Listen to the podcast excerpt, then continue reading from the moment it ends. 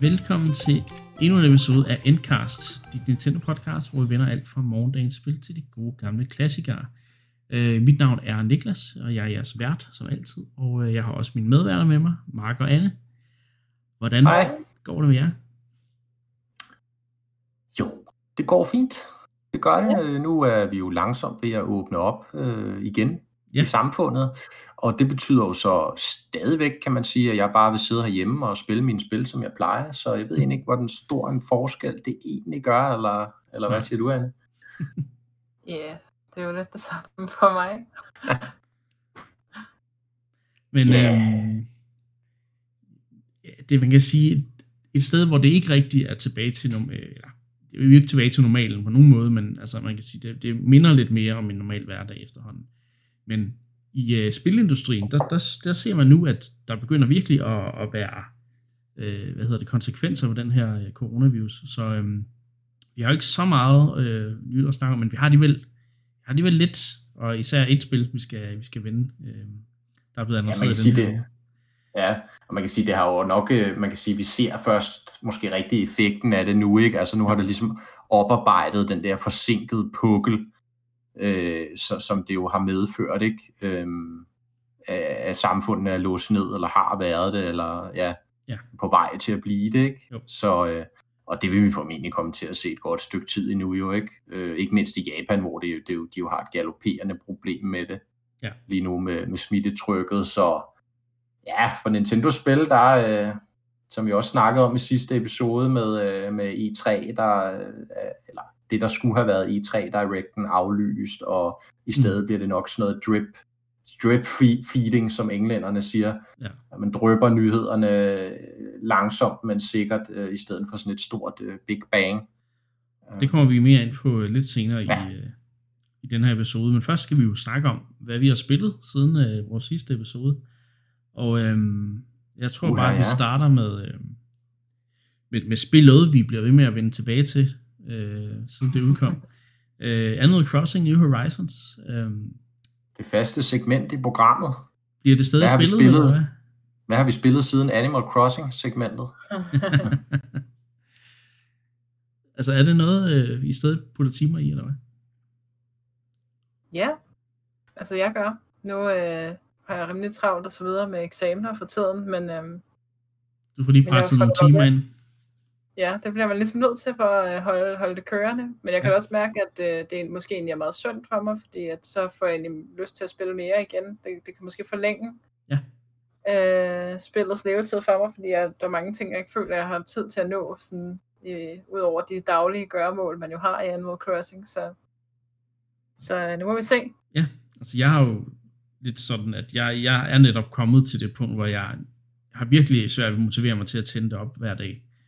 Øh, og jeg havde lige et par dage, hvor jeg ikke fik spillet så detaljeret, eller man skal sige, jeg fik ikke rigtig tjekket øen i alle, i alle kroge. Øh, og det gjorde faktisk, at i går måtte jeg sætte mig ned i en times tid og, og finde ukrudt og tage frugter ned fra træerne, og det var rimelig sej, øh, sejt træk, jeg havde gang i, fordi hvis man bare er væk et par dage, så synes jeg bare, at det hele det stikker af. Ja, så nu er du nået dertil, hvor Animal Crossing er blevet et regulært arbejde, der Ja. skal passes hver eneste dag.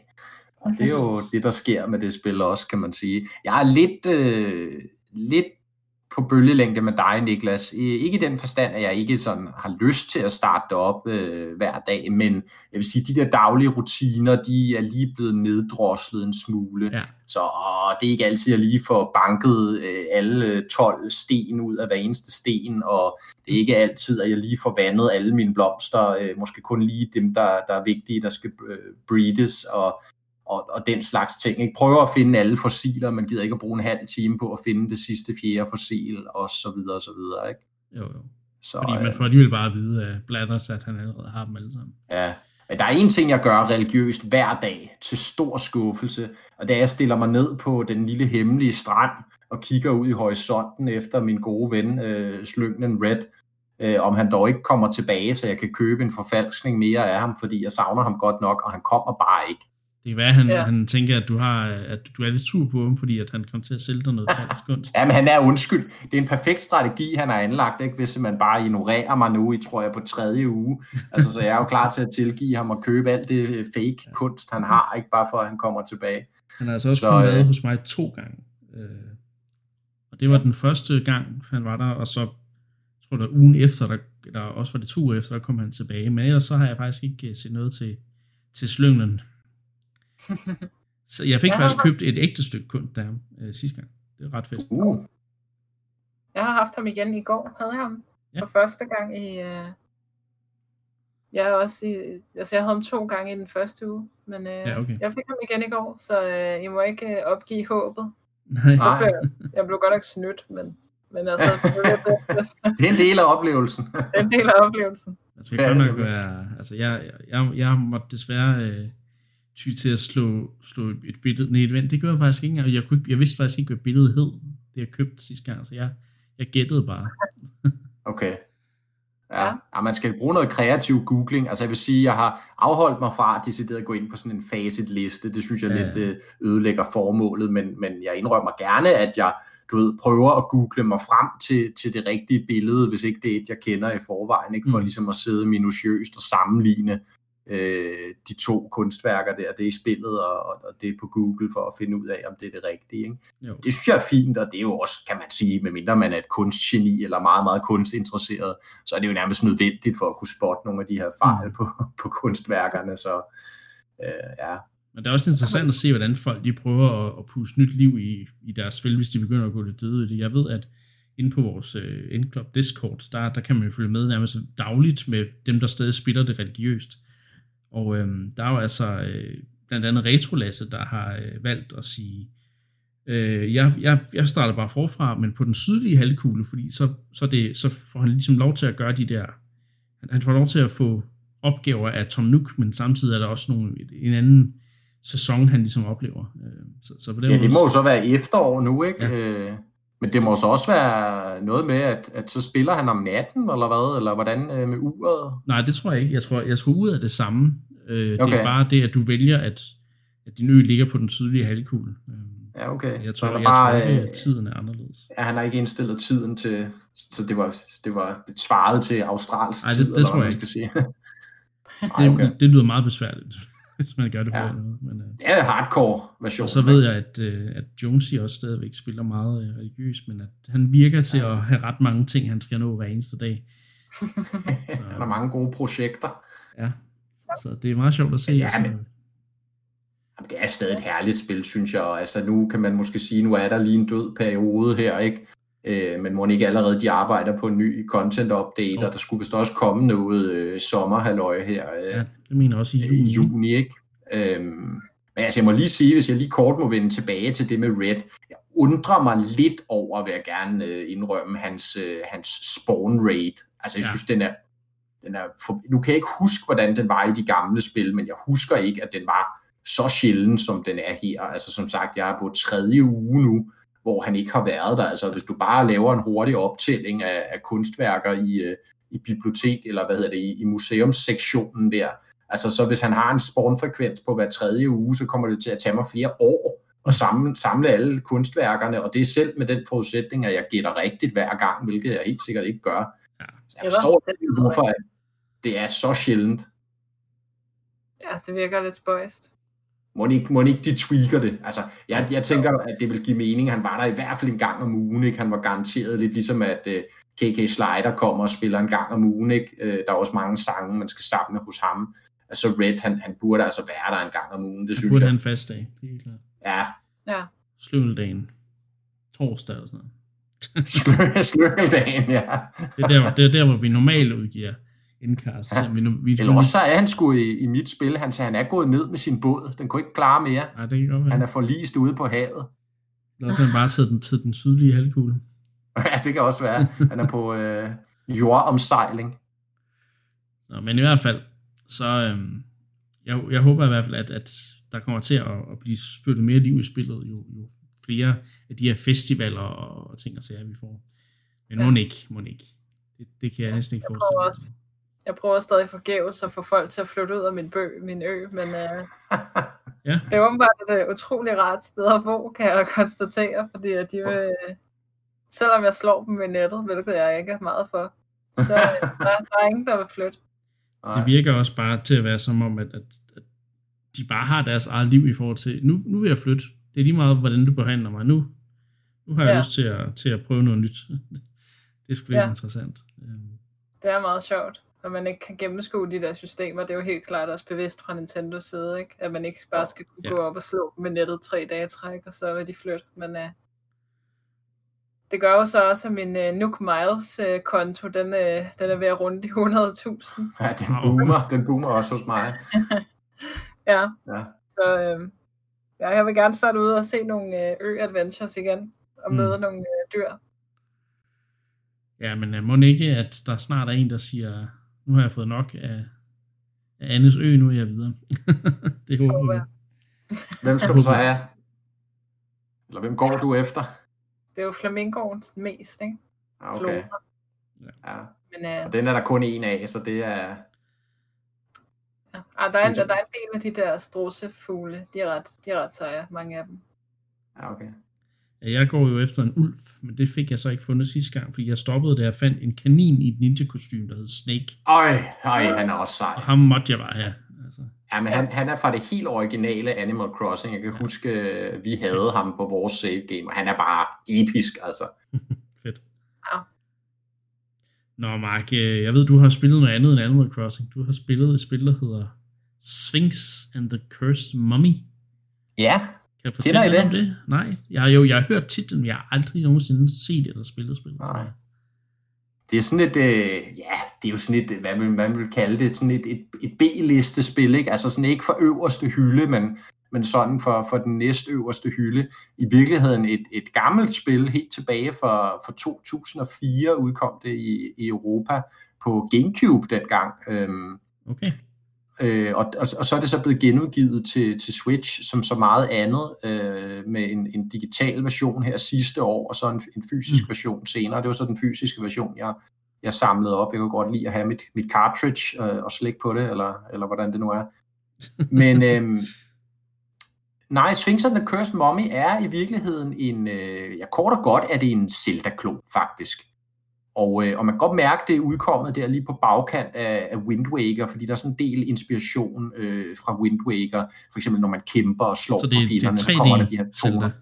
Det er 3D Zelda-klon, ja. Okay. Det er, det er 3D, øh, og, og kombinerer ligesom puzzle med, med, med platforming og, og noget let action også, ikke? Mm. Øhm, og så rejser man rundt til de her forskellige, det er sat i det gamle Ægypten, så det er en historie med Tutankhamon og Nefertiti og de her mytiske figurer, øh, var jeg lige ved at sige, øh, mere eller mindre mytiske figurer, som man kender fra historien. Øh, men jo ellers totalt fantasiunivers, så, så man spiller sådan en, en levende sphinx, sådan en halvgud, Ja. øh, der bliver sendt ned for at hjælpe Tutankhamon, der bliver offer i sådan et eller andet skummelt ritual, og så bliver han til sådan en mumie. Og så er det faktisk lidt sjovt, fordi så skal man spille man spiller så skifte, skiftevis ham her, halvguden Sphinx, og det er der, hvor det sådan er meget zelda med kamp, han har et svær, han kan slå fjenderne og så videre, skjold, han kan blokere deres angreb.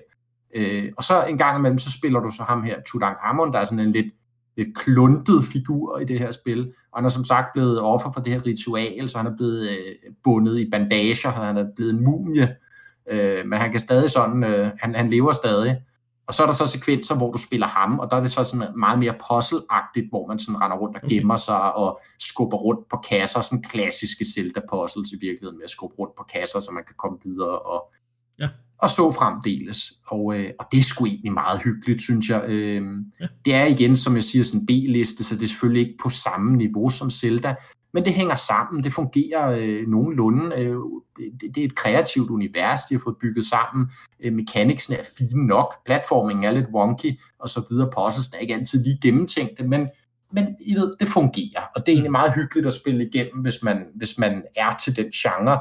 Øh, lidt ligesom sidst, Niklas, du snakker om det her Blossom Tales. Hvis man er til de her 3D action-adventure-spil, eller Zelda, øh, så kan jeg egentlig godt anbefale det. Og, og Switch-versionen er øh, rigtig øh, flot portet. øh, den, den ser super skarp ud, og den har nogle, en masse fine indstillinger, man kan sætte på, så grafikken altså kommer til at stå, øh, stå knivskarpt. Det er selvfølgelig et gammelt spil, men det er jo så også en cartoony stil, ikke? Ja. Øh, art direction er, er rimelig god, synes jeg, så, øh, så det står rigtig skarpt, og det kører godt 60 fps, øh, og så videre. De har fikset alle de fejl, der var i det originale spil. Øh, Fedt.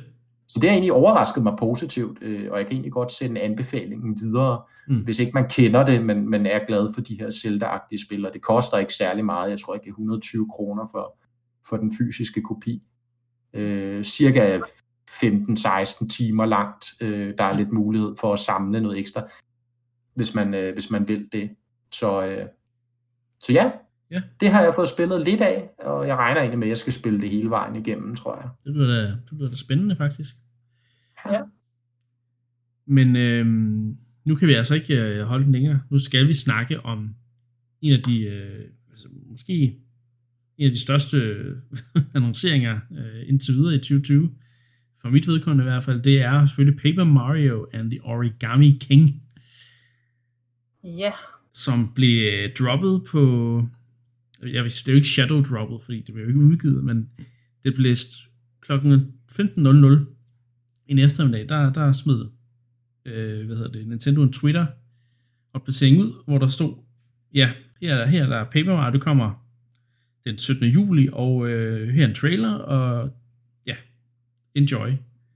Og det var egentlig ret vildt.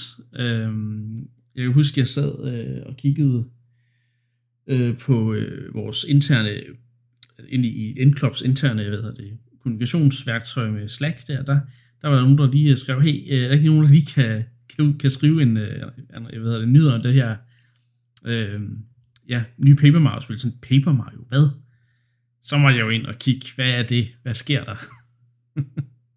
jeg havde Jamen, ikke, jeg så også bare overskriften på, på mit Twitter-feed, som du siger, var sådan lidt, what? Hvor, hvor, hvor kom det fra? det var, det var, det var rimelig crazy, og igen er jo lidt symptomatisk for det her, jeg snakkede om indledningsvis i episoden med, jeg tror, vi kan forvente den her sådan uh, drip-feeding af, Mm, af nyheder præcis. uh, det, næste, det næste stykke tid. Og det var jo næsten et shadow drop, ikke Niklas? Fordi spillet kommer jo lige om lidt. Ja, præcis. Så, øh, men man kan sige, øh, vi har jo snakket lidt om, at der, går rygt, der er gået rygter om, at der var et Paper Mario på vej i den originale stil. Og Anne, nu kunne jeg jo godt tænke mig at vide, hvad du synes om den her annoncering. Fordi jeg ved jo, du er ret stor fan af den her serie. Og ja den originale stil. den originale stil. Den originale stil, ikke så meget Super Paper Mario og de andre Sticker Star og så videre, men øh, Altså nu, nu så man jo ikke altså, de største detaljer omkring det, som betyder allermest for mig. Øh, og det er jo ligesom, altså, for mig er der to ting, der definerer de rigtige Paper Mario-spil, hvis man må være så fri. og det er, at du har et uh, turbaseret kampsystem, som minder, altså som er mere traditionel i sin udformning, men, men gerne med nogle twists, gerne. Øh, men den anden del, og mindst lige så vigtig del, er, at du har den store åbne verden, som ligesom er connected i sådan en, en hub, eller sådan en, en, en, ligesom en main landsby, man ligesom bevæger sig rundt i, og så tager ud til de her forskellige områder. Ja. Øh, og jeg vil sige, at, at et Mario-spil er ikke helt rigtigt, hvis det ikke har det, de to elementer samtidig. okay. Øhm, så det glæder mig rigtig meget til at se, hvordan præcis øh, udformningen bliver af det. Øh, men øh, det var da helt klart øh, positivt at se, at øh, i hvert fald er der en, en eller anden form for turbaseret kamp, men som puttet ind i et eller andet øh, helt crazy øh, ringpuzzle-system, eller hvad de kaldte det. Hvor Ja, det ser ligesom ret skal interessant ud. line fjenderne op. Øhm, så jeg glæder mig til at se, om de kan ligesom eksekvere på det her, øh, uden at det bliver altså, en gimmick, eller hvad man skal kalde det, at det kan altså, tilføje noget interessant. Mm. Øhm, gameplay og, og combat, også, altså også når man skal spille det i måske 30 timer, ikke? Jo. Øhm, så det bliver ret interessant. Øhm, og i Men- forhold til verden, Må jeg ikke lige, Anne, inden du går videre, må, må jeg ikke lige bryde ind her med en pointe, fordi det er jo så her, hvor at, at man kan sige, I kender jo min holdning til Paper Mario-serien, jeg har ikke på samme måde det der øh, øh, helt, helt nostalgiske forhold til, til de allerførste spil, eller mener, at det er ultimativt bare den, den bedste form for Paper Mario. Altså jeg mener jo netop på kampsystemet, Øh, er det interessant at se dem gøre de her ting, fordi for mig at se i hvert fald, jeg, jeg har spillet de gamle Paper Mario-spil, 4-3, øh, øh, Paper Mario, ja det første, ikke? Og, øh, og der synes jeg netop, at kampsystemet, der kan man altså godt tillade sig at forlange noget mere, fordi mange af kampene bliver hurtigt simple, og det bliver hurtigt noget med, at man har fundet den optimale måde ligesom at bekæmpe fjenderne på, og så er det egentlig bare at blive ved med at gøre det. Der synes jeg godt, man kan efterspørge noget mere dybde i kampsystemet, og der synes jeg, øh, de her, det her, hvad, hvad kaldte du det, en ring-system, puzzle-system, kunne være noget af det, der kan sparke noget ekstra kompleksitet ind i kampene, så ikke de bliver så simple og ensformige. Jeg tror personligt, jeg vil vente lidt med at, at både, både afskrive, eller enten afskrive det, eller hvad hedder det, ja, sige for meget altså, fordi jeg synes, indtil videre, der synes, at vi har set en eller anden video, hvor de viste det lidt mere i detalje, men jeg synes stadigvæk ikke, der er nok detaljer til at vide om, hvor komplekst systemet egentlig er. Så, så jeg, jeg håber, at de inden spillet udkommer, måske med en måneds tid, de sender en ny trailer ud og siger, sådan her fungerer kampsystemet, for eksempel. Øhm, eller i hvert fald gå i dybt med nogle flere ting, øh, i forhold til, hvordan meka- mekanisk spillet kommer til at fungere. Jeg håber ikke, at, at man kommer til at gå blind ind til, hvordan kampsystemet kommer til at fungere. Selvfølgelig kan man læse nogle anmeldelser og så videre, ikke? Men, mm. men ja, jeg håber virkelig, de, øh, de viser mere om det. Men udover det, øh, med kampsystemet, så vil jeg så sige, at jeg synes, verdenen ser helt vildt fed ud. Øhm, altså, det virker jo som om, at øh, man, man ser i starten af traileren den her scene med, at øh, Mario kommer ind i Peach's slot, og øh, så kommer Peach ud af, af tronrummet, eller hvad fanden det er, og så er hun jo ikke den her normale sticker-agtige Peach, som vi er vant til, men hun er sådan set den origami-foldede Peach, øh, og virker sådan totalt ond og nederen, og sådan nogle ting. Og det synes jeg var ret... Øh... Ja, det er overhovedet Peach. Ja, præcis. Som man spørger. Ja, må, må, altså, det, det, det, det antager man jo, men, men må ikke, der ja. er et eller andet twist til historien, who knows. I hvert fald, så virker det helt meget skummelt og mystisk, og, øhm, og jeg synes egentlig bare grafisk set, at spillet ser, ser helt fedt ud. Øhm, men den blander okay. den her, det blander den, den gamle, eller de, de der 3D-miljøer, som med, med papirsmodellerne, vi kender, og så med alle de her origami foldede fjender og øh, objekter og ting og sager. Det ser virkelig spændende ud, synes jeg. Ja. Jeg, jeg, jeg skulle lige høre Annes pointe omkring verdenen, ja.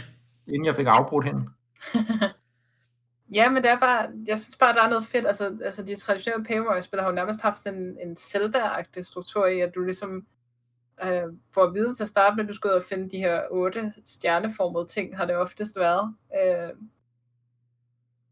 og så får du ligesom at vide, at de, at de er gemt i nogle forskellige verdener, som ligesom har nogle forskellige temaer, og der er nogle af dem, der er meget berømte, især for, øh, fra Thousand Year Door, er der den her virkelig skumle skov, der sådan er meget sådan stiliseret i sådan øh, sort-hvid. Øhm, og, og, og, og der er nogle, øh, ja, og, og toget, som har snakket om i en tidligere øh, episode, hvor, som, hvor spillet ligesom bliver til sådan et, et øh, ja, mormysterie, man skal opklare. Mm. Og de har sådan, øh, ja, sådan det her med, at man, man kommer ud og, og oplever sådan en Mario-verden på en anden måde, end bare, bare at gå rundt i en overworld, som vi jo kender fra platformspillene, øh, betyder bare noget, altså for den måde, man ligesom opfatter verden på. Um, og, og det synes jeg bare er ærgerligt, hvis, hvis den del ligesom går tabt øh, til fordel for noget mere lineært, eller, eller sådan en overworld, ikke? Men synes du, det nye har, har tegn på det, eller hvad, ud for, for, for det video, vi har set? Jamen, man så jo en, øh, Mario sejler rundt enten i en båd eller som en båd. Det er jo svært at vide, fordi han kan jo godt lave sig op til en båd, når han er i den her papirsform. Mm. Øh, og, og det kunne måske se lidt sådan åbent ud, men, men, det, men ja, jeg, jeg, jeg tror ikke helt på det. Jeg, jeg, jeg er lidt i tvivl om, om det kommer til at have den gamle struktur. Ja. Øhm, men altså, det er jo også værd at nævne, at da, da Thousand Year Door udkom, så, så meget som folk elskede det, så synes man jo også, at det var lidt komisk, at det, altså, det havde jo samme struktur, og du skulle næsten det samme som i det første. Mm. Øh, så det er de jo nok også blevet sådan, ja, afskrækket fra at lave i mange år, men øh, jeg synes, at når der er gået været 16-17 år siden, der er kommet et, et rigtigt Paper Mario, så gør det noget at gå lidt tilbage til, hvad det var.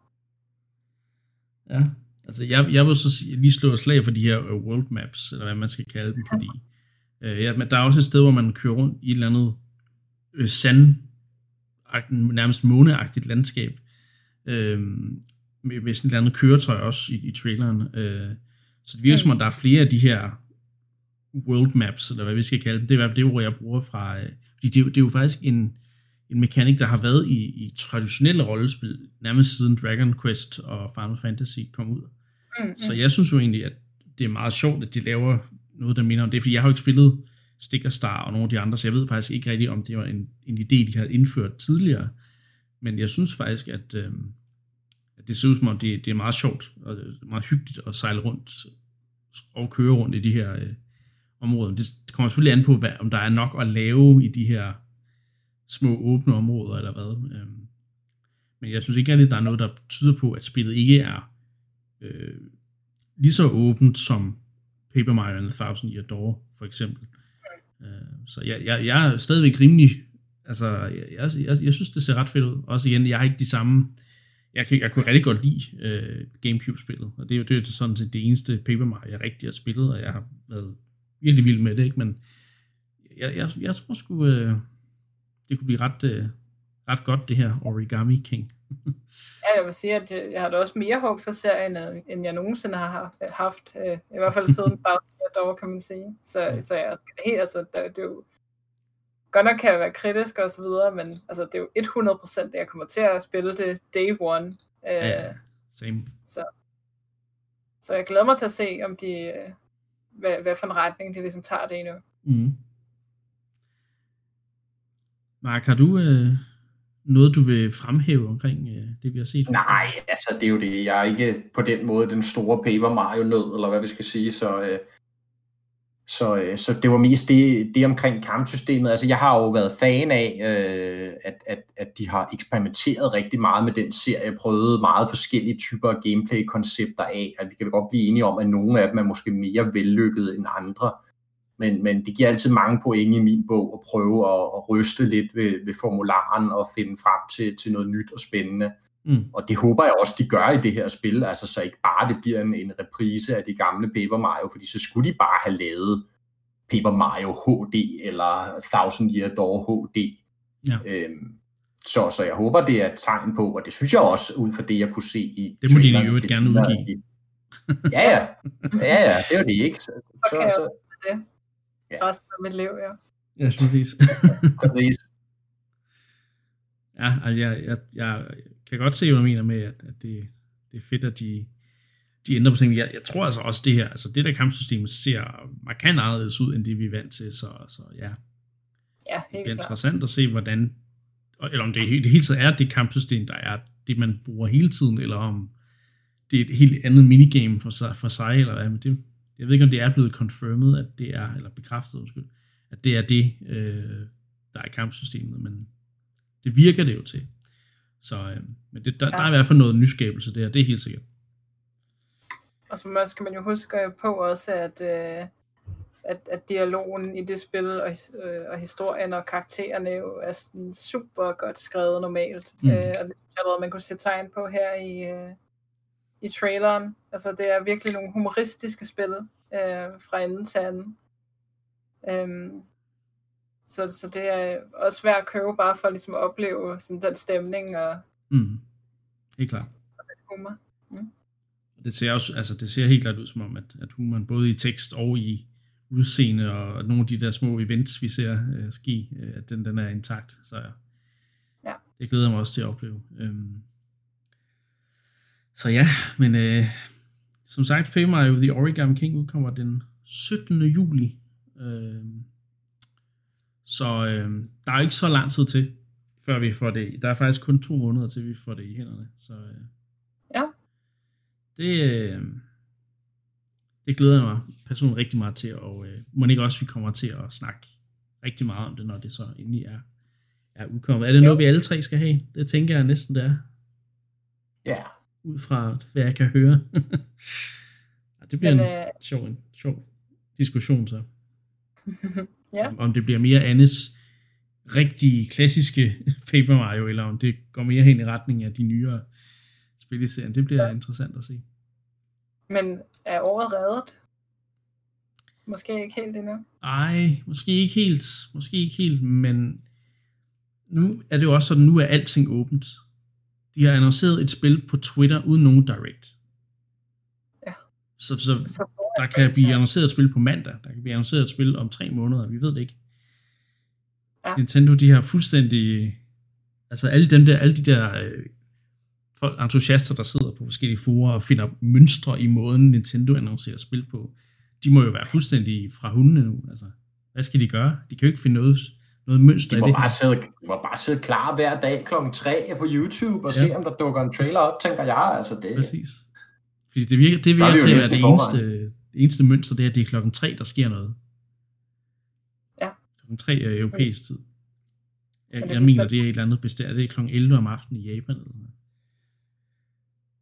Det var da det det lyder meget rigtigt. Men øh, der går jo stadig nogle rygter.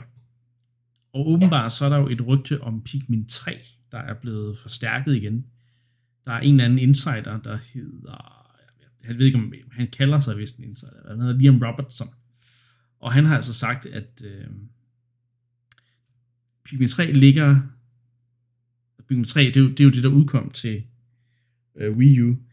Så det bliver sådan en deluxe udgave, vi snakker om her. Så Pikmin 3 ligger klart og er nærmest ja, ready to go, øh, ifølge ham. Øhm, Ja, øh, øh, og det er jo... Hvad siger du, Anne? Er det ikke Spiced? Er det Pikmin 3? Mm, jo, altså på den ene side har vi jo hørt om Pikmin 4 skulle have været i udvikling i, jeg ved ikke, de sidste fem år eller sådan noget. Øh, ej, det kan godt være, at det ikke var fem år, men jeg synes i hvert fald, at vi har snakket om, at, der er blevet snakket om rygtet, at Pikmin 4 var under udvikling. Ja. Jeg tror også, Miyamoto har udtalt sig om det, eller sådan noget stil. Ja, Mark han plejer at kode det der øh, citat med, at det skulle være næsten klar, ikke? Det, det, det ved jeg ikke, hvad det er for et citat, du refererer til der, Anne, men, øhm, Pikmin 4. men øh, min, min, min, min pointe er, i hvert- eller det jeg vil sige som pointe her, er, for mig er det egentlig ikke rigtig underligt, at det er Pikmin 3, fordi igen, man skal jo tænke på, de her Wii U-spil, altså vi taler en konsol, der lifetime solgte 13 millioner eksemplarer. Ja. Øh, eller enheder, ikke? Og altså, der er ikke særlig mange, der har haft en, en Wii U, og, og derfor er det jo oplagt at tage alle de spil, som dyrt udviklede spil til den maskine, HD-spil jo i forvejen, ikke, som er dyre at lave, øh, og, og porte dem over relativt nemt, øh, fordi at, øh, at så kan de ligesom øh, hive investeringen tilbage øh, Mm. på, på de spil, som, som ingen fik spillet. Ikke? Og man kan sige, den, den, den potentielle kundeskare må også være størst i og med, at det er det Pikmin-spil, som færrest har spillet. Ja. Øh, Så for så, mange så er det er jo også det mest moderne, ikke? Altså, Jo. Altså, jeg, jeg var også der til at sige, altså på den ene side, så går det ikke så godt i hånd med det her med, at vi har hørt om, at Pikmin 4 skulle have været under udvikling i meget lang tid. Men på den anden side, så er det, kan man sige, det ligger lige så højre benet at få smækket Pikmin 3 over på øh, Switch. Især hvis de også gerne vil have Pikmin 4 ud, så, så giver det mening, at Pikmin 3 kommer ud først. Øh, Ja. sådan, så alle dem, der, altså alle dem, der plejede at spille Pikmin 1 og 2 på Gamecube, og ikke har gjort det siden, de ligesom kan få lov til at spille 3'eren, og så øh, få lov at spille 4'eren, når den så engang er klar, hvis det overhovedet eksisterer. Øh, men udover at Robertson her siger, at Pikmin 3 altså, øh, ligger klar og nok kommer inden for en overskuelig fremtid, så øh, siger han også, at det her Metroid Prime Trilogy, eller Metroid Prime Collection, eller hvad vi skal kalde det, øhm, at den, den som, er et rygte, som jeg efterhånden havde stoppet med at tro på, det siger han, den, den, den er jo så også god nok, den, den skulle også gerne ligge klar og komme på et tidspunkt, men igen, det er jo kun et rygte, så det kan også godt være, at det helt Ja, bare er fis. Men, uh, knows? Ja, den, den- den er jeg nu også rimelig sikker på. Altså, der, der forstår jeg ikke, du har været i tvivl der, Niklas, fordi for mig har det hele tiden handlet om det der med, det, det kommer an på, hvor langt Metroid Prime 4 er. Jo. Jeg tror, de har nogle tal og nogle gode idéer om, ligesom, hvor, hvor tæt på et, en, en ny installation skal, skal den her genudgivelse komme. Så har de sikkert nogle metrikker for, hvor øger man salget maksimalt, Ja. ikke? eller hvor sikrer man det, det maksimale salgspotentiale. Og jeg tror, det kommer, hvornår øh, Trilogy HD udkommer, jamen det afhænger simpelthen af, hvor, hvor, hvordan fremskrider Metroid Prime 4 udviklingen af det ja. spil. Og, og, og så ligesom, når, når det når en eller anden milepæl, hvor man siger, okay, hvad ved jeg, nu er der et år til det kan komme, eller et halvt år, eller et eller andet, øh, så siger Nintendo så godt, så varmer vi op med den her Mm. Trilogy HD, ikke? Det synes jeg er rigtig god Øh, point. så- Så Jeg den, den tror jeg er det 100% stadig på, den skal nok komme, det vil være så underligt andet. Jeg Altså, vil også sige, at øhm, hvis de så skulle lægge det et, et, et godt tidspunkt, så skulle det altså være her i, i efteråret, hvor vi ikke rigtig ved, hvad for nogle spil, der kommer og så videre. Måske allerede i løbet af sommeren, ikke? men det, det tror jeg nu ikke på. Men øh, hvis, det, hvis det ligger klart, som rygtet siger, så, øh, så vil det være, være perfekt timing, hvis de ja. har lidt problemer med at få, få, få lavet de spil, der skulle have været ude i øh, 2020. Øh, hvis, de har, hvis mange af dem bliver udskudt til 2021, jamen så, så kunne det jo være, øh, være meget godt, hvis de så lige kunne, kunne smække Metroid Prime Trilogy og Pikmin 3. Måske også de her øh, paper, eller ikke Paper Mario, men Mario Remasters, som vi også øh, snakkede om for noget tid siden. Øh, som der skulle fejre hans Super. 35 års jubilæum. Super Mario All Stars 2. Præcis. Eller Super Mario All Stars 3D.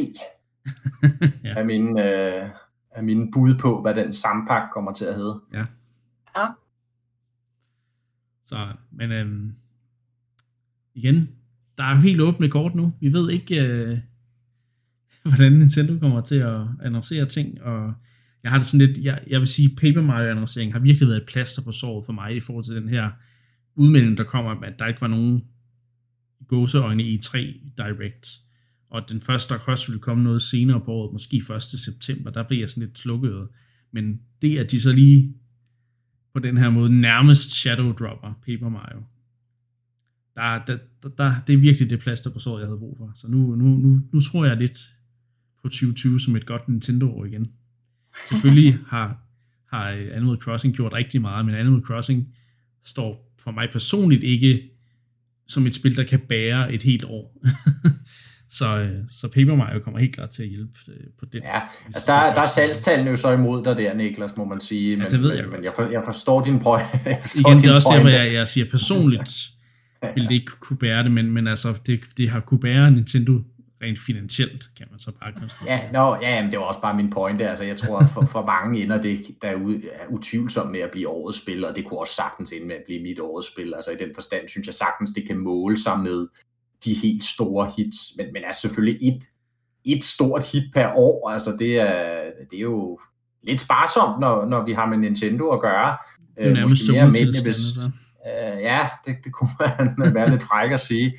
Uh, men, men, men ja, så, så i den forstand igen forstår jeg din pointe, at man vil gerne ligesom se nogle, nogle flere ja. heavy hitters inden for et givet år. Ikke? Øhm, ja. Ja, jeg, synes, jeg synes stadig, det er tyndbenet, må man sige, indtil videre. Helt Animal Crossing, uh, Xenoblade uh, Remaster og, og så Paper Mario. Ikke? Men, men, men ja, igen, der er et helt efterår. Lad os nu se, hvad der sker. Paper Mario, synes jeg, begynder at være den rigtige retning øh, af ting, som, som der, der virkelig kommer til at appellere til mig. Så, så ja, Øhm, nu må vi se, hvad der sker. Øhm, men øh, Breath of the Wild 2 er jo nok ikke et 2020-spil længere, men øh, jeg i hvert fald, den, den, den har i hvert fald, øh, jeg, jeg var jo en stor fortaler for i, i starten, det spil var et 2020 holiday-spil, men øh, den jeg ja. skulle begynde at, at, at være lidt shaky på nu. Så. Altså jeg tror stadig på øh, den 3. marts 2021. Det kunne være en perfekt dato. Helt klart. Men øhm, ja, Mark, øh, jeg har en lille note her, hvor der står, at vi skal snakke lidt om Wonderful 101 Remastered. Ja, som jo udkommer... kun, kun en note, kun en fodnote måske endda. Ja, det udkommer hvad? Øh, næste uge? Ja, altså det er udkommet, hvis man var backer. Ja. Så skulle man have fået sin nøgle. Der var vist noget, noget, noget vrøvl med, at, øh, at nogen havde fået sådan nogle blanke nøgler. Ja, det har men, øh, men, men, men det er Platinum så ved at få rådet bod på. Øhm, men, men ja, ellers så, så kommer den fysiske release her øh, næste uge. Øh, men det skal ikke afholde os fra at, at, at snakke om det, synes jeg, fordi nu er det imellem hænderne på rigtig mange, og, øh, og ja, jeg, jeg spillede øh, Wii-originalen, Wii U-originalen, øh, og var ret begejstret for den. Jeg, vi snakkede vist også kort om det for et par, et par episoder siden. Det er det, jeg, havde egentlig, jeg havde egentlig tænkt mig, at jeg skulle, skulle have fat i sådan en fysisk uh, Switch-kopi. Men nu er der jo så kommet nogle, nogle, nogle meldinger, nogle, nogle rapporteringer her fra folk, der har spillet det. Øh, ja. Blandt andet min, min, min helte, var jeg ved at sige, hos, hos Digital Foundry, der laver de her tekniske analyser. Og, øh, og de har lavet en analyse af, af Wonderful 101, øh, som jeg synes, der er nogle pointer, øh, der er værd at gengive herfra. Ja. Det er faktisk, at, at, at spillet ikke er specielt godt optimeret på Switch. Okay. Det er den kedelige nyhed. Det, det er sådan overskriften, at øh, man kan sige, de løfter opløsningen fra Wii U-originalen. Den, den renderede i 720p. Mm. Og, øh, og den løfter de på Switch til, til 1080p. Og det var sådan set forventet. Så, så billedet er klarere og skarpere, end, end det nogensinde har været. Men det har mm. så det store problem, at frameraten lider rigtig meget. Ja. De targeter 60 fps. Det synes jeg altid er fedt, når Platinum gør det, fordi det er hurtige spil. Øh, man skal være rap på tasterne, man skal kunne se den her action køre øh, flydende, for ligesom at kunne agere øh, rettidigt, når, når fjender angriber osv. Så 60 fps er altid en kærkommen ting. Problemet er bare, når du ikke kan holde de 60 fps, fordi så får du de her problemer med sådan nogle stutters, og øh, sådan billedet hakker, og lige pludselig kører det lidt hurtigt, så kører det lidt langsomt. Altså, der, der kommer alle de her problemer, og det er det værste. Så hellere have, at den kører 30 fps, men konstant, ja. end at det er det her, der, der ligesom hakker frem og tilbage. Og det er i høj grad, hvad jeg kan forstå på, på Digital Founders analyse, det der er tilfældet med, med Switch-versionen af, af, af Wonderful 101, at den svinger rigtig meget, og den holder meget, meget sjældent 60 fps. Og faktisk er det så gralt, at, øh, at den flere steder ikke engang er på niveau med Wii U-versionen, der faktisk var mere konsekvent på, på frameraten. Så vi har fået et lidt skarpere spil, men et spil, der kører dårligere. Og det er den forkerte vej, hvis du spørger mig. Igen, når det er et actiondrevet spil, der skal gå hurtigt, det skal køre flydende, så man kan, man kan banke fjenderne ordentligt, ikke? Og, og ikke tage hits, som ikke er ens egen skyld. Tror du, det er noget, de vil adressere? Ja, det er et godt spørgsmål, øh, om, om de vil det. Øh, måske, men, men Platinum har ikke den store historik for at patche deres spil efter release. Typisk fordi de egentlig er ret veludførte på release, ja. øh, og sjældent har mange fejl og så videre. Men, men det tekniske setup her, ja, jeg har desværre svært ved at se det ske, øh, medmindre at der kommer nok øh, backlash fra, øh, mm. øh, man kan sige, backerne. Det der jo er specielt ved den her situation, og det synes jeg også er, er værd at tage med, det er jo det her med, at de gik på Kickstarter med det, og det har jeg det faktisk også svært med, fordi det var jo den her situation, hvor at, at lige pludselig gik de på Kickstarter. Der har været rygtet om længe, at, at Wonderful 101 ville, ville komme i, en, i et remake. Ja. Og så lige pludselig kom der en Kickstarter, hvor de så bad os fans om at spæde til for at få det her projekt til at blive en realitet. Ikke? Mm. Og så postede folk jo penge i det, og de fik langt flere penge, end de egentlig havde spurgt efter. Sådan går det jo gerne med nogle af de her populære Kickstarter. Så skulle man tænke, det var egentlig fedt nok.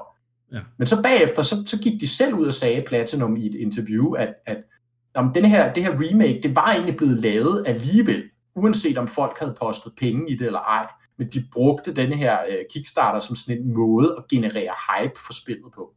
Okay. Jeg synes, jeg skulle er lidt, uh, det synes jeg skulle er lidt uh, slibrigt, eller hvad man skal sige. Det er, det er sådan lidt, det, det, det, det klinger lidt, eller skærer, skærer lidt, skuer lidt i mine ører, fordi altså, så bruger de ligesom forbrugerne som en måde at, at, at hive en masse ekstra penge ind til et projekt, som egentlig var finansieret i forvejen, og som, ja.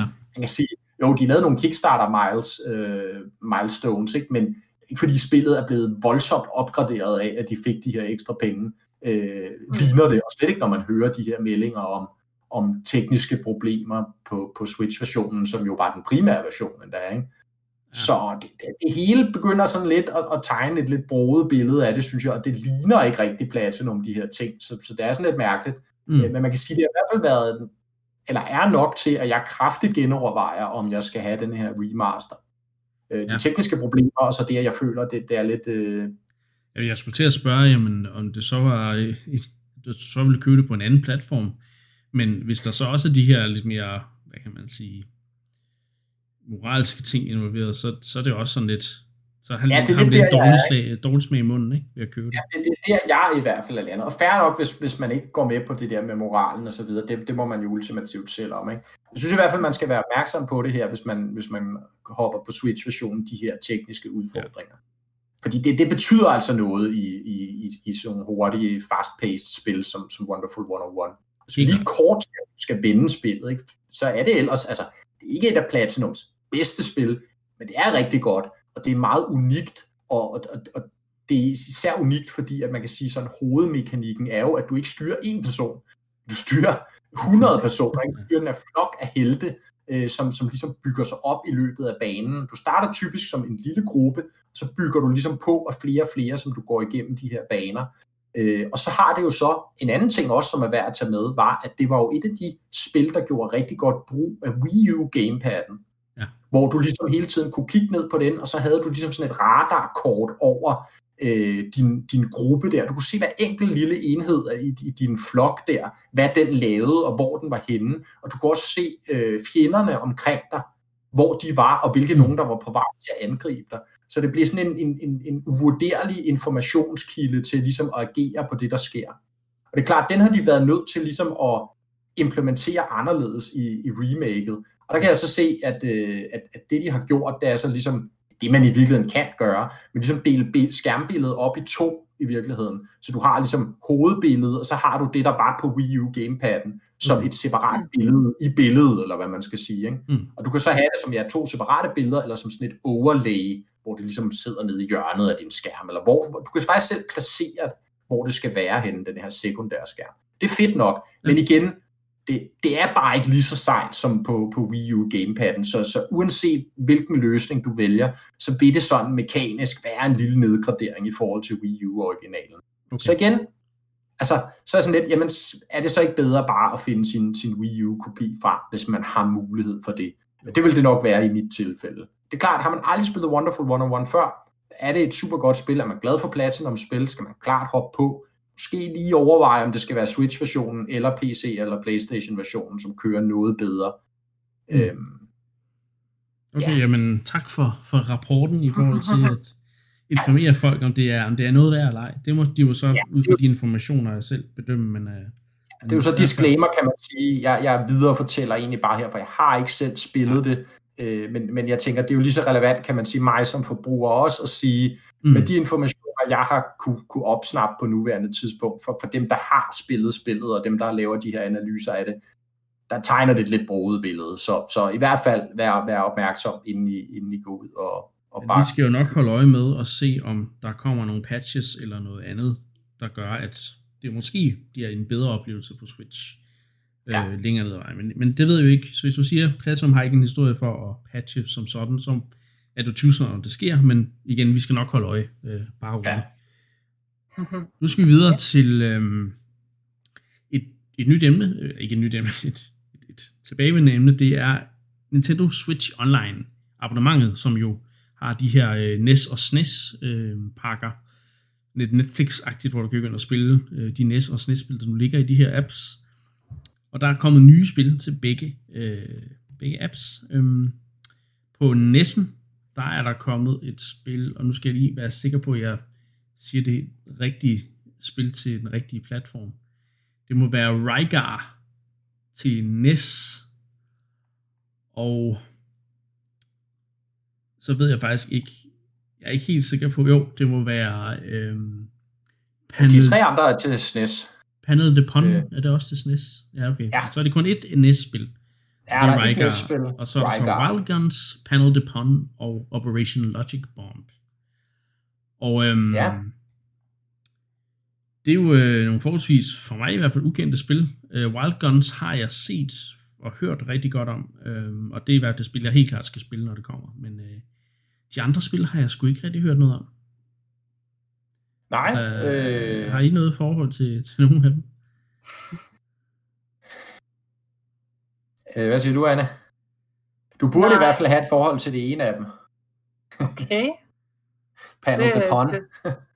Panel de Pon? Nej. Det er jo øh, forløberen til et af dine absolute yndlingsspil til 64'eren.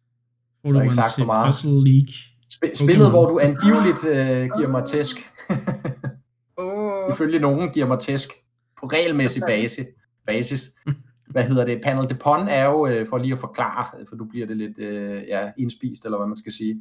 Øh, det er jo øh, det oprindelige Tetris Attack, hedder det i virkeligheden i, i Vesten. Og det er jo det øh, puzzle, det er ikke så meget med Tetris at gøre i virkeligheden, men de mm. fik lov at bruge navnet til, til, til de senere vestlige versioner. Og, øh, og det er jo det her koncept, som, som man kender fra blandt andet, og det var det spil, jeg refererede til, som, som Anne er glad for, Pokémon Puzzle League. Yes. Øh. Så det her, ja, puzzlespil, hvor at, øh, der er de her blokke, øh, der bevæger sig langsomt fra bunden af skærmen og op efter, og så skal man hele tiden sørge for ligesom at, at, at fjerne linjerne ved at, at lave, øh, ja hvad er det, tre eller fire på stribe?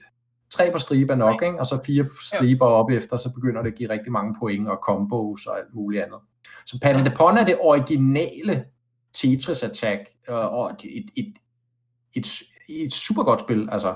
Ja. Øh, så, så, og det er det der, jeg synes, der er interessant. Nu nævnte du også Wild Guns, øh, Niklas. Eller ikke noget, jeg, jeg personligt har haft et forhold til, men som jeg kan forstå i hvert fald, er øh, også et super kompetent spil. Jeg var lige inde se nogle videoer af det. Ja. Øh, sådan et, et, et, et shooting gallery spil, eller hvad man skal sige, hvor man ligesom bevæger sig fra billede til billede, og så popper der så fjender op, øh, som man så skal skyde med et sigtekorn. Ikke? Sådan et lyspistolspil i virkeligheden jo, ikke? Jo. Øhm, men et rigtig kompetent og flot udseende et af slagsen. Øh, Operation, Operation Logic Bomb har jeg ikke rigtig umiddelbart nogen reaktioner på. Øh, og så Rygar selvfølgelig øh, er jo også et berømt spil, måske mest arcade-versionen, men, men fordi NES-versionen har, har vist nogle, nogle problemer, som jeg har forstået det, men, men, men i hvert fald berømte side-scrolling action-platformer ja. øh, fra Tecmo, mener jeg det er. Så egentlig nogle, nogle, kan man sige, ja, måske nogle lidt atypiske spil, men, men, men faktisk nogle relativt prominente og interessante spil, øh, og ja. gode spil i virkeligheden. Ja, det er også det. Det er virkelig øhm, kompetente. Ja, så man kan sige, ja, det er ikke lige fra, fra den øverste Nintendo-hylde, men det er måske også lidt interessant i virkeligheden, at det ikke bare igen kun er de spil, men også ligesom det signalerer, at de altså stadigvæk har, mm. har held med at lokke tredjeparter til at signe op til den her service. Ikke? Men det jeg øhm. så dog vil sige er, at jeg synes, det ville være fint nok, hvis de også introducerede nogle af de spil, man ikke kender så meget til. Men jeg synes stadigvæk, det er øh, sådan mærkeligt, at der er mange af de her must-have SNES og NES-spil, der stadigvæk, eller i hvert fald, måske ikke så meget NES, men i hvert fald på SNES-appen, der stadig mangler nogle, nogle ret øh, markante store spil fra, fra, fra, fra blandt andet Donkey Kong Country-trilogien. Der ved jeg så ikke, om der er noget licensing der eller hvad, men øh, Ja. Altså, så vidt jeg ved, så er det jo Nintendo, der sidder på dem. Ja. Øh, så jeg tror ikke, det er licensing, licensing problemer i forhold til det. Men, men ja, altså, som jeg sagde før, Nintendo må vide, hvorfor at de ikke øh, bare lægger hele biblioteket ud af, af deres uh, first party heavy hitters for, for den generation. Men, men ja, de har vel sine grunde. Er det fordi, at de venter på at varme op med til et nyt Donkey Kong Country? Åh, oh, det siger ja, du, Anne. Det må du ikke sige, så bliver jeg Hvad siger du? Men, men Retro Studios, øh, de, de er jo optaget desværre med at lave Metroid. Ja, men hvad lavede de inden, lave som ikke var Star Fox Racing? Ja, det er et godt spørgsmål. Der lavede de jo Star Fox Racing. Jeg sidder bare på det og venter på det rigtige. det kan være, det er noget af det, der kommer på skuffen, jo. Ja, ja. det, kan ja, det kunne være genialt. Det kunne være. De mangler jo at gøre trilogien færdig, kan man sige. Den nye Donkey Kong Country-trilogi, ikke?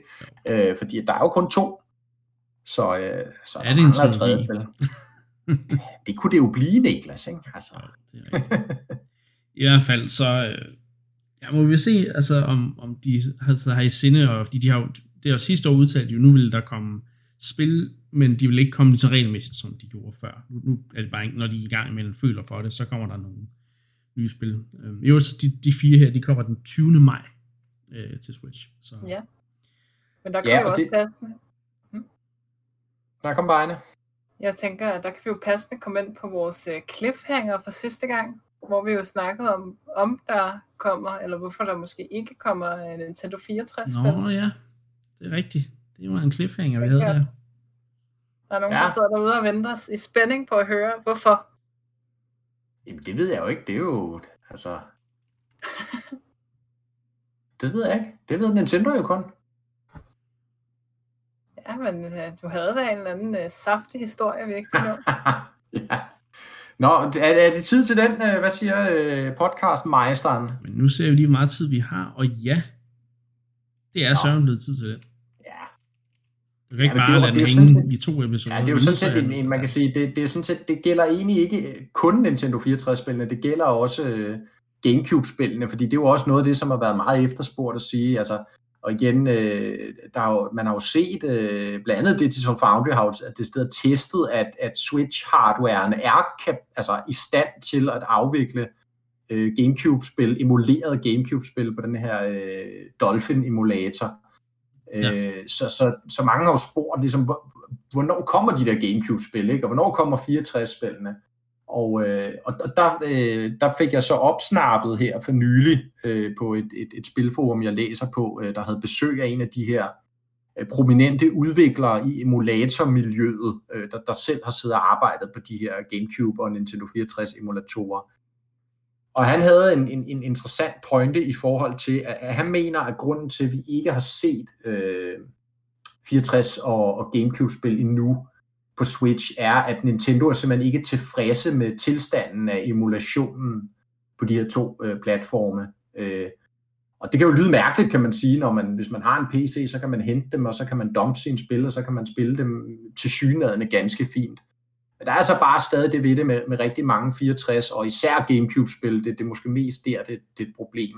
At, at der er små quirks i de fleste spil. Altså der er grafiske effekter, der ser mærkelige ud, eller små bugs, eller film, der kører for hurtigt, eller hacker, eller altså, der er for mm. mange af de her små fejl til, at, at og, og der mener han simpelthen, at Nintendo de vil ikke udgive de her spil med de her fejl, eller, eller det her niveau af fejl i hvert fald. Men er det ikke noget, som, Nintendo som, vil kunne komme udenom? Når de, de kender jo deres spil bedre, eller man skal sige. Jo, jo, kan man, jo, jo, jo, jo, men man kan sige, de vil ikke lægge arbejdet i det, for det kræver noget udviklingsarbejde at lave de her ja. emulatorer, og det kræver, så vidt jeg ved, ret meget udviklingsarbejde at lave dem på det niveau, hvor at, at du ved, hver eneste lille sidste pixel er en til en, ja. som den var tilbage på den, den originale hardware. Altså der, der skal man virkelig sidde længe og nørkle med nogle ting. Øh, det er også derfor, man ser i, i hele emulatormiljøet, at, at der er nærmest en, en unik version af, af for eksempel øh, GameCube-emulatoren til hvert spil, du skal spille, fordi så har der været nogen inde og ændre på nogle linjer kode, der så gør, at så kører det her spil rigtigt, men hvis du så prøver det på et andet spil, så kører det så forkert. Er forskellen så, så fra, altså både Wii og Wii U kunne godt afvikle 64-spil? Hvorfor ja, men det, kan Switchen så ikke? Det, det er ja, enten, enten fordi de kører under en eller anden form for native mode, eller også så fordi, at, eller de er baseret på, hvad hedder det, Gamecube øh, af, af 64-spillene, eller ja. hvad det måtte være. Ikke? Men, men ja, eller også så kan man sige, så igen, så er der noget porting-arbejde i at få emulatoren over på Switch, og det er de bare ikke villige til at, at, at, at det, det er jo ren spekulation det her, okay. men det var bare, man kan sige, hans pointe, og den synes jeg var interessant, øh, fordi den var meget troværdig, kan man sige, eller man kan sige, ja igen, han, han gætter jo også bare, men man kan sige, det er i hvert fald en for de her emulatormiljøer, der ved rigtig meget om det, ja. øh, der fremførte det, den her argumentation, ikke?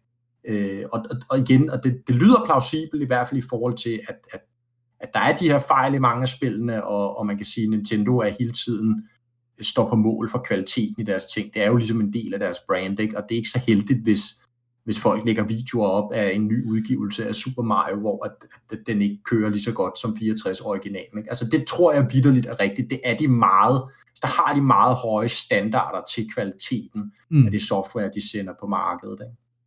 Jamen, så må så, jo bare remake alle spillene. Så ja, det, det, ja, det er jo det ikke. Eller, eller bruge, bruge nogle, smide nogle flere penge i, i deres emulatorer. Ikke? Jo. Så. Ja, vi, vi får se, om øh, det rent faktisk er noget, de kommer til at kunne gøre på et tidspunkt, eller om vi bare må se langt efter det. Hvad siger du, Anna? Det kunne også godt være, at nu, øh, det er jo først for nylig, vi har fået rygt, rygterne om, at øh, de remaker for eksempel sådan noget som, øh, som Super Mario 64, Mm. At, at de simpelthen ikke vil kunne forsvare at lave en Nintendo 64 simulator på deres uh, Nintendo uh, Switch Online, uh, whatever, um, uden at udgive Super Mario 64 med det uh, som launch til det, ikke? Jo, for eksempel, Anne. Så det kan jo også godt være sådan noget, der har holdt det tilbage. Ja, i øvrigt en interessant ting, hvis vi også lige skal vende det i forhold til Super Mario 64 og den mulige remaster, der er. Det ved jeg ikke, om jeg så, men det er jo lykkedes folk at reverse engineer Super Mario 64, så du rent faktisk øh, kan, kan spille en til en spillet på en, en PC, med, altså kan sige, hvor koden er blevet genskabt præcis som Nintendo har haft den lavet. Og øh, hvad hedder det, øh, man kan så sige, det er ikke lovligt, hvis, hvis folk også inkluderer, øh, kan man sige, øh, den grafik, Nintendo har lavet, men selve koden er faktisk lovlig, at den er blevet ligesom reverse engineeret, og, og en til en er, er den samme. Øh, og der var Nintendo jo så ude i den forbindelse og lukke nogle af de her, øh, hvad hedder det, PC-versioner ned, Øh, igen, ikke fjerne selve source-koden, for det kan de ikke, men fjerne de her øh, kompilerede øh, kode, altså hvor man bare trykker på en exe-fil, og så starter man programmet op, eller starter Super mm. Mario 64 op på sin PC. Dem har de jo været hårdt ude med advokater og lukke ned for. Ja. Øh, man kan sige, det er de nu typisk, når, når der er de her ting, øh, hvor deres copyright ligesom kommer i fare. Men man kan sige, det er jo ekstra interessant i forhold til jo netop, at timingen i det, hvis der rent faktisk er et Super Mario 64 remake på vej, ikke? Mm. så er det selvfølgelig ikke det bedste, at folk bare kan spille basically den rigtige version af spillet på deres PC. Så ja. bare lige en pointe at få med til det. Det var alt, hvad vi nåede at snakke om øh, i det lille segment. Vi skal hurtigt lige nå at vende vores retro-segment, fordi nu havde vi det ikke sidste gang. Så øh, ja. vi skal snakke om en spilserie, jeg personligt ikke rigtig har nogen erfaring med, så det bliver jeg to, der lige kommer til at køre det. Det er, det er en skam, Niklas. Ja, det er en spilserie, der hedder Rhythm Heaven. Og øhm, take it away, hvem end af jer, der, der vil starte. Hvad siger du, Anne? Du er jo stor fan. Ja, jeg er stor fan af de her Rhythm Heaven, eller Rhythm Tengoku, som det hed oprindeligt. Øhm, eller i Europa Rhythm Paradise. Så det er et øh, kært ja. barn, der har mange navne rundt omkring i verden. Jeg mener, at Men, ordet øh, Tengoku på japansk betyder heaven, så, så det, ja, ja, det, det kunne godt passe, ja. Uh, ja, men det er den her serie af rytmespil, uh, der er, uh, er lavet af et af Nintendos uh, first party studier. Uh, det samme studie, som også står bag uh, WarioWare-serien, som vi jo alle sammen elsker med de her microgames. Uh, men uh, det er så et, et, en, et rytmespils version øhm, kan man nærmest kalde det, af WarioWare, hvor at man, man spiller nogle små, øh, meget obskure ofte scenarier, hvor det ligesom er sådan rytmebaseret input, der ligesom er, der er sådan, øh, er målet, eller hvad man skal sige. Ja. Øhm, kan du give et eksempel? Ja, altså det kan for eksempel være, at man står som øh, sådan en, en golfspiller ude på en meget lille ø, øh, og, og så øh, står og skyder øh, golfkugler øh, ud på en, en anden ø, der ligger meget langt væk, altså sådan urealistisk langt væk. Og det skal man så gøre samtidig med, at der er en lille abe, der står og fortæller en, nu skal du skyde, og nu skal du skyde øhm, i, i, i en rytme. Eller det kunne være i, øh, i et af de allerbedste, som, øhm, som var i, i Wii-versionen, som så blev kaldt Beat the Beat. Øhm, et minispil, der hedder Packing Pests, hvor man øh, arbejder på en fabrik, der øh, pakker, øh, jeg kan ikke huske, er det slik? Jeg mener, det at man skal pakke slik ned i kasser. Øh, men øh, ham, der kaster slikken til en, han kommer engang imellem til at kaste ned og kop i stedet for, og den skal man så slå væk. Øh, men det så alt sammen foregår i sådan et øh, rytmebaseret tempo, hvor man så enten skal gribe med begge sine hænder en, en, et stykke slik, eller, eller slå æderkoppen væk, hvis, hvis det er sådan en, der bliver kastet mod en. Og det er alt sammen super godt eksekveret, og, og, og de er virkelig gode til at lege med det her med sådan, hvornår er det visuelle ligesom en hjælp for dig, og hvornår er det visuelle måske ikke til hjælp overhovedet. Mm, ja. øhm, så jeg ved ikke, Mark, om du har et yndlingsminispil?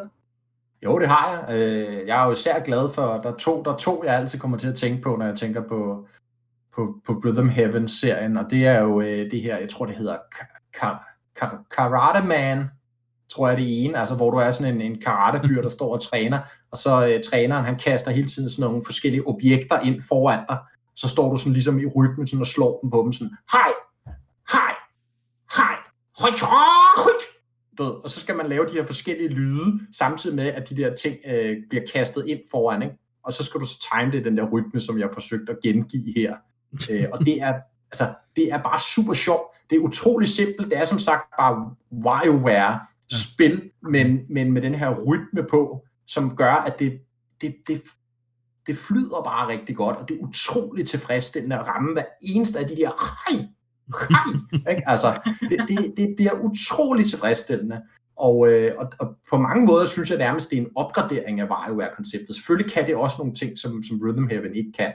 Øh, mere kaotisk, og spillene skifter også hurtigere. Der kan man sige, der bruger man længere tid af gangen på et spil i, i Rhythm Heaven, men, men det er bare utroligt tilfredsstillende at spille. Og det, som Anne også er inde på, det her med, at nogle gange kan det visuelle faktisk være en, en øh, kan man sige, en udfordring, og det kan faktisk svare sig helt at lukke øjnene.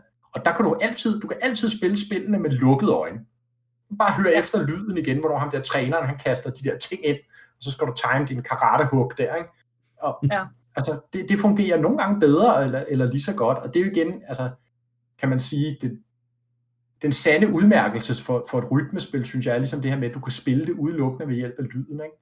Mit andet yndlingsspil, hvis jeg lige skal nævne det også, det er, hvor der er sådan en, en, en, en wrestler, en, en wrestler, der, øh, der lige er blevet færdig med en kamp, og han har vundet, og han står, og sådan sveden, den pipler ned af ham, ikke? Og så er der en, øh, en meget energisk journalist, der er ved at interviewe ham, og, øh, og så skal man så svare på den, den her wrestler-måde, sådan mumle bare nogle, nogle, nogle mærkelige ord ud, ikke? fordi man er jo lige ved at dice op. Og så journalisten sådan hele tiden spørger om nogle ting, og så spørger hun på en måde, og så skal man så mumle tilbage på en måde, og så hver tredje gang, så spørger hun så på en anden måde, og så skal man så mumle på en anden måde. Ikke? Og igen, det hele er sådan med de her sjove lyde, og på den her rytmebaserede façon, hvor at det føles bare utrolig godt, og man kan ikke lade være med at sidde og smile over hele fjeset, eller nærmest skraldgrine, mm. mens det her det står på. Fordi det er bare så også bare sort, ikke? altså den her japanske sorte humor, som gennemsyrer ja. WarioWare-spillene, og også gennemsyrer Rhythm Heaven-spillene. Jeg, jeg elsker det, og det er... Ja. Og hvordan er det, hvordan styrer man de her spil?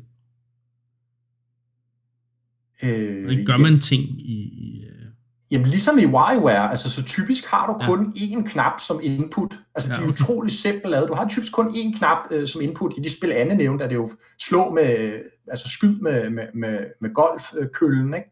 Mm. Øh, når bolden kommer ind foran dig, som jeg sagde med Karate Man, altså hug med din næve, ikke?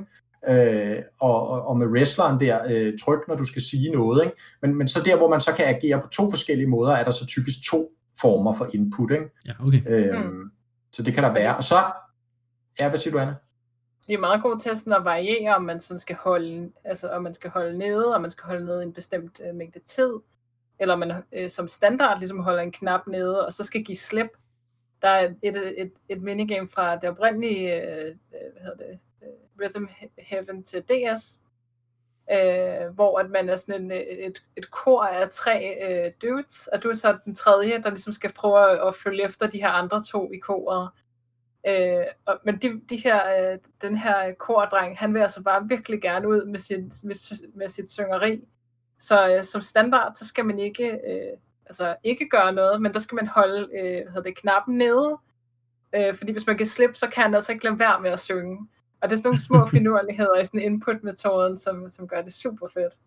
Ja. ja, så de har jo været gode til på tværs af platformene også ligesom at bruge de unikke styringsformer, der har været.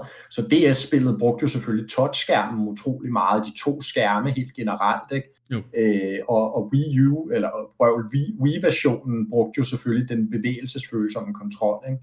Så altså, de har været rigtig gode til det, og, og mixe tingene op, synes jeg også. Gode eksempler på serier, der har, der har været, haft succes med det. Mm. Okay. Øh, det er jo efterhånden nogle år siden, vi har fået en ny, ikke Anne? Fordi det seneste var på, på 3DS i 16-17 stykker. Og det var i virkeligheden lidt sådan en opsamling, både en opsamling, også, også nogle, med nogle nye spil, men, men i virkeligheden også en opsamling, en greatest hits øh, fra, fra, de, fra de tidligere øh, fra de tidligere spil. Ja. Fedt. Men altså prøv, hvis, ja, hvis ikke man kender serien, altså prøv bare at gå ind og se nogle videoer af dem. Der er de her øh, kompilationer, der er i hvert spil, der hedder remixes, hvor den så remixer spillene, så forestil jer, at man får sådan en sammenhængende sekvens på 2-3 minutter. Igen lidt eller WarioWare, hvor den så hele tiden skifter imellem de her minispil, man har stået og perfektioneret en for en. Så skal man mm. hurtigt ligesom skifte imellem de der forskellige rytmebaserede input, øh, mens der er en eller anden sang, øh, der ligesom er det gennemgående tema. Og de, igen, de er utrolig sjove. Prøv at slå nogle af dem op, altså øh, Rhythm Heaven eller Rhythm Tengoku Remix. Se nogle af dem, så får I et ret godt indtryk af, hvad, hvad kan spillet, og, og og jeg vil næsten våge den påstand, at alene når man ser nogle af de her videoer, kan man ikke lade være med at, at, at grine lidt for sig selv, fordi det er bare altså hilarious, det er virkelig sjovt. Ja, og for at gå tilbage, vende tilbage til den pointe, du havde med, at man kan se, øh, eller man egentlig ikke behøver at se for, for at spille spillet, øh, så var der en meget sød historie for nogle år siden med en øh, blind japansk dreng, der havde skrevet et øh, brev til Nintendo omkring, at han var så glad for, at de havde lavet det her spil, fordi det var et af de eneste computerspil, han kunne spille, øh, nu han havde den her, øh, altså, altså øh, han var komplet blind, øh, så, havde, så kunne han altså trods alt stadigvæk øh, at spille det her spil. Så det siger jo også en del om deres øh, design. Helt klart. Men det øh, var det, vi nåede i retro-segmentet i dag. Øhm, interessant at høre om det her spil, som vinder om meget om de her one- eller two-button-spil, ikke? Øh, sådan der mm. især på, på Game Boy Advance og, og DS jo var ret fede, også med WarioWare og så videre. Så ja, tak vi vil gerne, øh, ja, vi vil gerne høre jeres yndlingsspil derude. Yndlings Rhythm Heaven spil, ja. hvis I har sådan et. Gerne høre, hvad det er. Skriv endelig det ja. i uh, kommentarerne under uh, den her episode. Og så, ja, så nåede vi igennem endnu en endcast. Og øhm, så det var jeg da gerne at sige en uh, tak til mine medværter for at være med. Og øhm, selvfølgelig tak til jer lyttere. Og så tak fordi I lyttede med, og vi lyttes ved næste gang.